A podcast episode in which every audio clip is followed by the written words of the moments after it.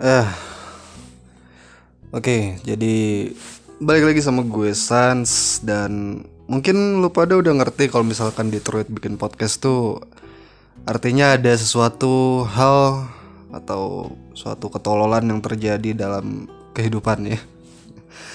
Dan ya hari ini dan juga beberapa hari yang lalu gue apa ya kesel akan sesuatu gitu loh. Dan itu terjadi dua kali malah masalahnya kayak oke okay lah uh, orang-orang kita kan hidup di Indonesia juga beragam budaya, beragam ras, agama dan suku dan lain sebagainya kan. Mungkin zaman sekarang keberagaman itu nambah. Jadi dua. Eh, keberagaman itu menurut gua adalah beragam drama dan beragam kegoblokan.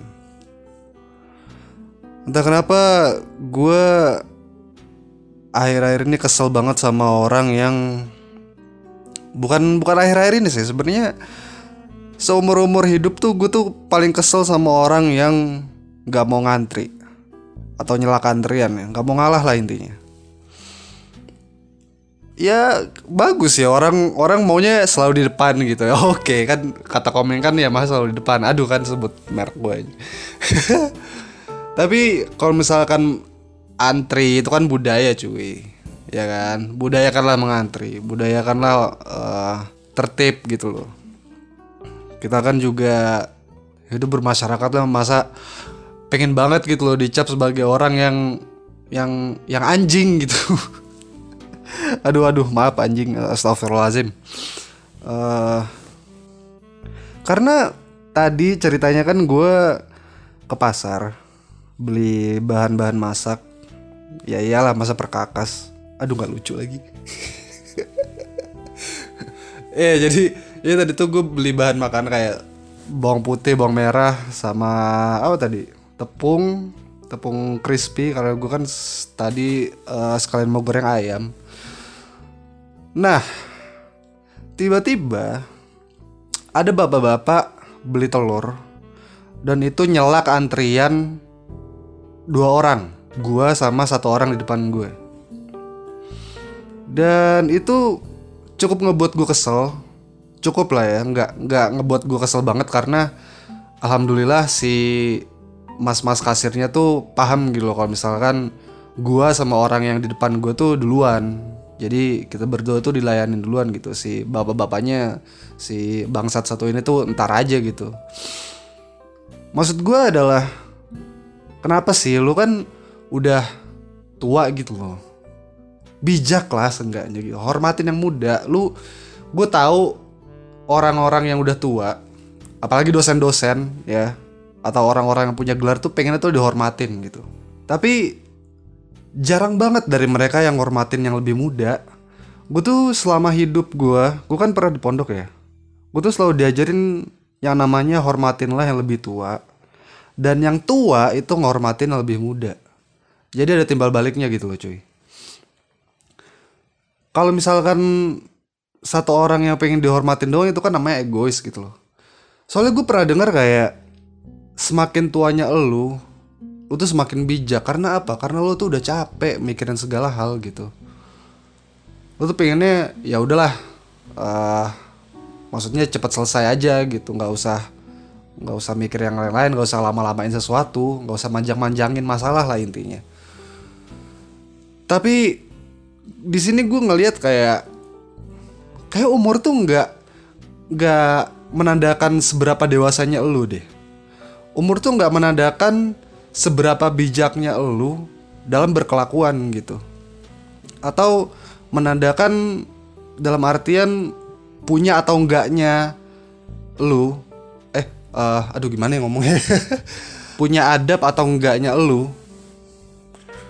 dan ini terjadi dua kali sih. Ini sebenarnya ini kasus pertama yang satunya lagi ada lah itu hari Sabtu Minggu kemarin Uh, sebenarnya ini gue mau bahas yang di masalah pasar dulu nih. Kan bapak-bapak ya. Ya lu kan udah tua. maksudnya lo kan seenggaknya udah ngerti lah ya udah ngerti kehidupan udah ngejalanin seberapa kerasnya kehidupan ketimbang kita yang masih muda harusnya lo udah ngerti gitu lo udah udah udah ya udahlah bijak gitu as a gentleman lo tuh harus kayak gimana sih masa lu di keluarga lu kayak gitu juga. Ah nah ini gue curiga nih apa jangan-jangan di keluarganya dia gitu juga ya?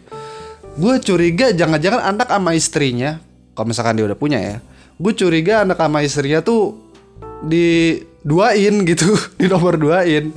Pokoknya gue dulu nih yang harus dapat sesuatu. Mau anak apa istri gue dapat nah, bodo amat gitu gue ya. Gue nggak tahu ya. Kan gini ya kan? Istilahnya gue kan akhirnya jadi negative thinking gara-gara kelakuan orang ini gitu. Gara-gara kelakuan dia di masyarakat lu masyarakat lain aja kayak gitu. Apalagi ke keluarga dia gitu yang notabene udah deket banget. Dan apa ya maksudnya lu tuh nyelak antrian tuh buat apa sih? Apakah karena lu udah bau tanah terus lu pengen cepet-cepet karena ntar lu mati? Astagfirullahaladzim ya maksud gue kan aduh gue kan mikirnya jadi kayak nih si bapak-bapak mau nyelak karena apa nih? Apa karena nanti dia mau mati ya kan? Makanya dia nyelak antrian gitu biar cepet daripada mati di pasar mending mati di rumah gitu ada yang ngurusin. Aduh anjing gue jahat banget sih. Biarin aja bodo amat. Kenapa? Nggak suka lo. Ya gue juga nggak suka. Gue juga marah. Uh, enak aja lo. Lo doang yang marah Gue juga marah, antrian lo selak, enak aja. Masa gue gak boleh marah? Soalnya gue tahu kalau misalkan ditegur ntar masalah tambah panjang, ngomel-ngomel sendiri, apalagi di pasar ya kan banyak orang juga. ntar dia ngelemparin telur lagi ke muka gue anjing. Ya gue bales sih, gue lempar ayamnya sekalian. Maksudnya, maksud gue adalah ya ya lu nggak bakal ke mana-mana kan maksudnya lu belanja beli telur ya udah. Emangnya telurnya bakal ke mana sih? Telurnya juga gak bakal jadi ayam juga kan saat itu juga. Santai aja lah antri gitu di belakang. Ini kan ya gue tau lah ini pasar maksudnya uh, katakanlah nggak kayak supermarket gitu loh. Nggak nggak ada nggak ada apa ya nggak ada emang nggak ada garis antriannya kalau pasar. Emang orang-orang mas sembarangan ya kalau misalkan ngasih apa pin bayar barang gitu loh kalau misalkan di supermarket itu kan ada lainnya kan? Ada apa sih namanya? Eh, yang besi-besi itu. Ya pokoknya itulah. Ya kan otomatis kan orang pada ngantri gitu. Nggak mungkin orang nyerobot. Tapi kalau pasar beda. Emang senak jidat gitu kebanyakan. Terus ini yang tadi pengen gue bahas satu lagi adalah salah satunya di uh, minimarket. Pas hari Sabtu kemarin Sabtu minggu lalu ya itu ada cewek ya mbak-mbak ya lebih tua lah dari gue atau ibu-ibu I don't know. Itu dia nyerobot antrian gue cuman mau beli apa? Beli kondom. Anjing gak gue tuh selalu mikir ini orang-orang yang nyerobot antrian tuh mau ngapain sih? Hidupnya tuh mau ngapain? Gitu. Mau menikmatin hidupnya untuk terakhir kalinya apa gimana? Iya kan, kan gue mikirnya kayak begitu. Sampai dia buru-buru kayak gitu kan Kita mah nggak tahu. Mungkin dia bisa ngelihat malaikat Israel Ya kita, gue, gue mah nggak tahu gitu loh. Apakah dia tahu kalau kematian sudah dekat Makanya dia pengen menikmati uh, Dalam tanda kutip main sama pasangannya kan? Gue nggak tahu gitu. Dan alhamdulillahnya Kasirnya, kasir minimarketnya uh, ngedaulin gue juga gitu. Mas ya ya alhamdulillah gue gue apa ya jatuhnya rezeki lah dua kali ya. Uh, ngerti lah kasirnya. Yang tadi kasir pasar ngeduluin gue karena gue udah ngantri duluan dan kasir minimarketnya juga ngedulin gue juga gitu. Karena gue kan udah ngantri duluan ya kan. Sebenarnya gue kalau misalkan kayak gitu ya gue juga protes juga sih sama kasirnya. Masa gue nggak dilayanin duluan gitu yang nyelak gue malah yang dilayanin. Ya gue juga protes lah cuy. Dan ada sekelibat hal yang terlintas di pikiran gue kalau misalkan ya gue nggak tahu ya apakah dia mungkin mohon maaf PSK atau memang seorang ibu-ibu yang yang ingin memuaskan suaminya. Gue nggak tahu gitu loh. Ya katakanlah oke okay lah dalam tanda kutip mohon maaf ya uh, pekerja seks gitu ya gue gue nggak ngejudge lu karena toh gue juga hidupnya nggak bener-bener amat gitu. Tapi seenggaknya jangan ngerugin orang lain gitu loh. Jangan ngerugin orang di sekitar lu. Ya udah rugiin aja diri lu sendiri jangan ngerugin orang sekitar lu karena mungkin lu bisa berpikir kayak lu memperlihatkan kalau ya ini loh diri gua gitu. Tapi tahu tempat lah. Lu boleh jadi diri lu sendiri kalau misalkan itu di depan keluarga lu kalau misalkan keluarga lu nggak nutut sesuatu loh ya maksudnya kan kalau kayak kita kebanyakan orang-orang yang dituntut jaim yang selalu jaga image karena eh, nggak uh, pengen nama keluarganya rusak itu bangsat sih tapi ya gimana ya. Ya oke lah lu jadi diri lu sendiri tapi masa iya sih lu mau dicap sebagai orang yang nggak punya adab gitu loh di lingkungan orang lain? Karena gue takutnya di minimarket kan ada anak kecil kan ya? Maksudnya takutnya gue tuh nih anak kecil yang lagi ngantri sama orang tuanya juga bakal niru apa yang si orang ini lakuin. Mungkin mereka gedenya akan nyelak juga. Cuy sekarang lu pikirin deh kalau misalkan lu ya ngelakuin sesuatu yang nggak bener terus itu dicontoh sama generasi-generasi setelah lu. Itu kan lu yang nanggung bebannya nggak sih? Nih kalau misalkan lu yang Islam ya gak cuma Islam sih sebenarnya semua agama kayaknya ngajarin hari pembalasan deh. Uh, kalau misalkan lu ngelakuin suatu keburukan dan keburukan itu dicontoh sama orang-orang lain kan lu gitu yang malah nambah dosanya karena kan lu pusatnya ya kan? Ya nggak usah hari pembalasan deh yang dekat-dekat aja. Uh, misalkan lu jadi apa ya hmm, koordinator koordinator organisasi lah atau ketua organisasi atau ketua panitia. Kalau misalkan kerjaan elu gak bener sampai bawah-bawahan lu gak bener juga yang kena siapa ya? Pasti elu kan sebagai ketua gitu nggak mungkin bawahan lu yang kena omel pasti elu lah yang kena omel. Tolonglah. Ya budaya kan antri. Jangan ngurugin orang. Udah intinya itu aja sih. Jangan ngurugin orang lain. Ini kan tempat umum. Hargain orang lain juga. Kalian tuh generasi yang lebih tua tuh harusnya paham gitu. Lebih bijak lah. Karena kan kita nyontoh kalian kan. Kita ibaratnya apa ya? Mengidolakan kalian kita tuh butuh panutan hidup yaitu kalian ya kalian generasi-generasi tua yang lebih tua dari kita. Jadi kalau bisa ya ya nggak apa-apa jadi diri sendiri ya pas kita kayak kita ya gue juga nongkrong sama kakak-kakak tingkat gue yang lebih tua ya oke-oke aja. Mereka jadi diri sendiri mereka. Mereka ngomong anjing mereka ngomong cok asu gitu ya ya it's okay gitu.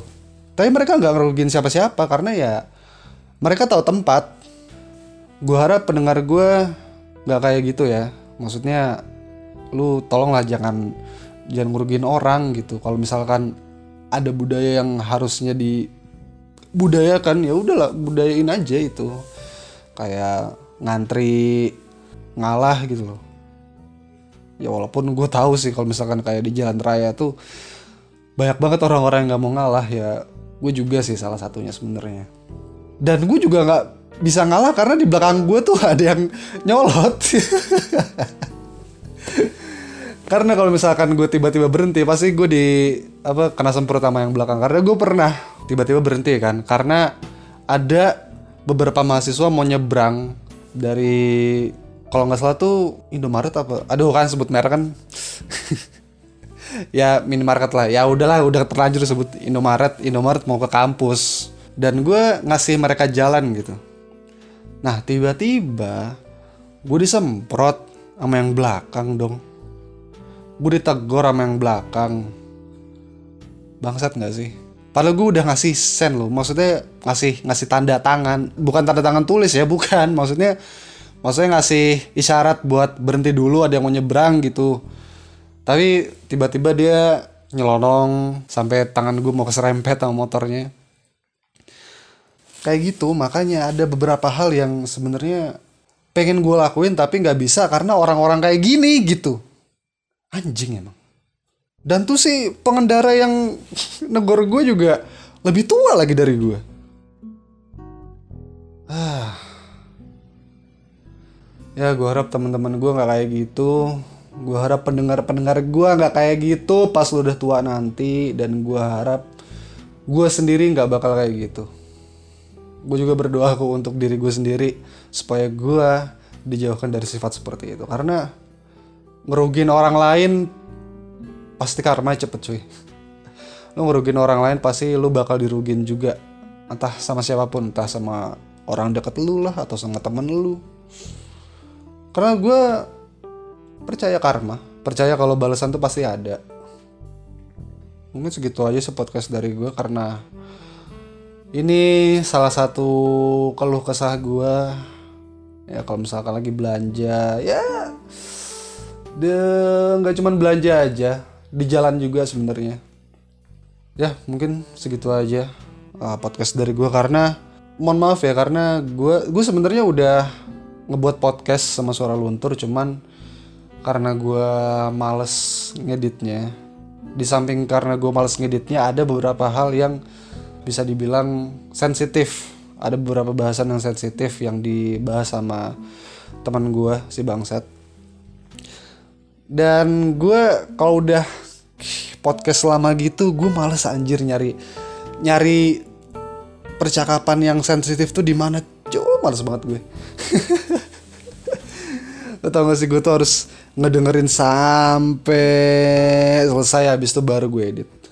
Dan itu pun harus gue dengerin lagi ya namanya juga konten kreator lah ya itu nah ya namanya kerjaan ada suka dan duka ada enak nggak enaknya enaknya lo bisa mencurahkan keluh kesah lo nggak enaknya ya ngeditnya itu uh, proses publikasinya yang senep Oke, terima kasih semuanya udah dengerin. Terima kasih yang udah bawa bong kota. Have fun and always stay relax. Bye guys.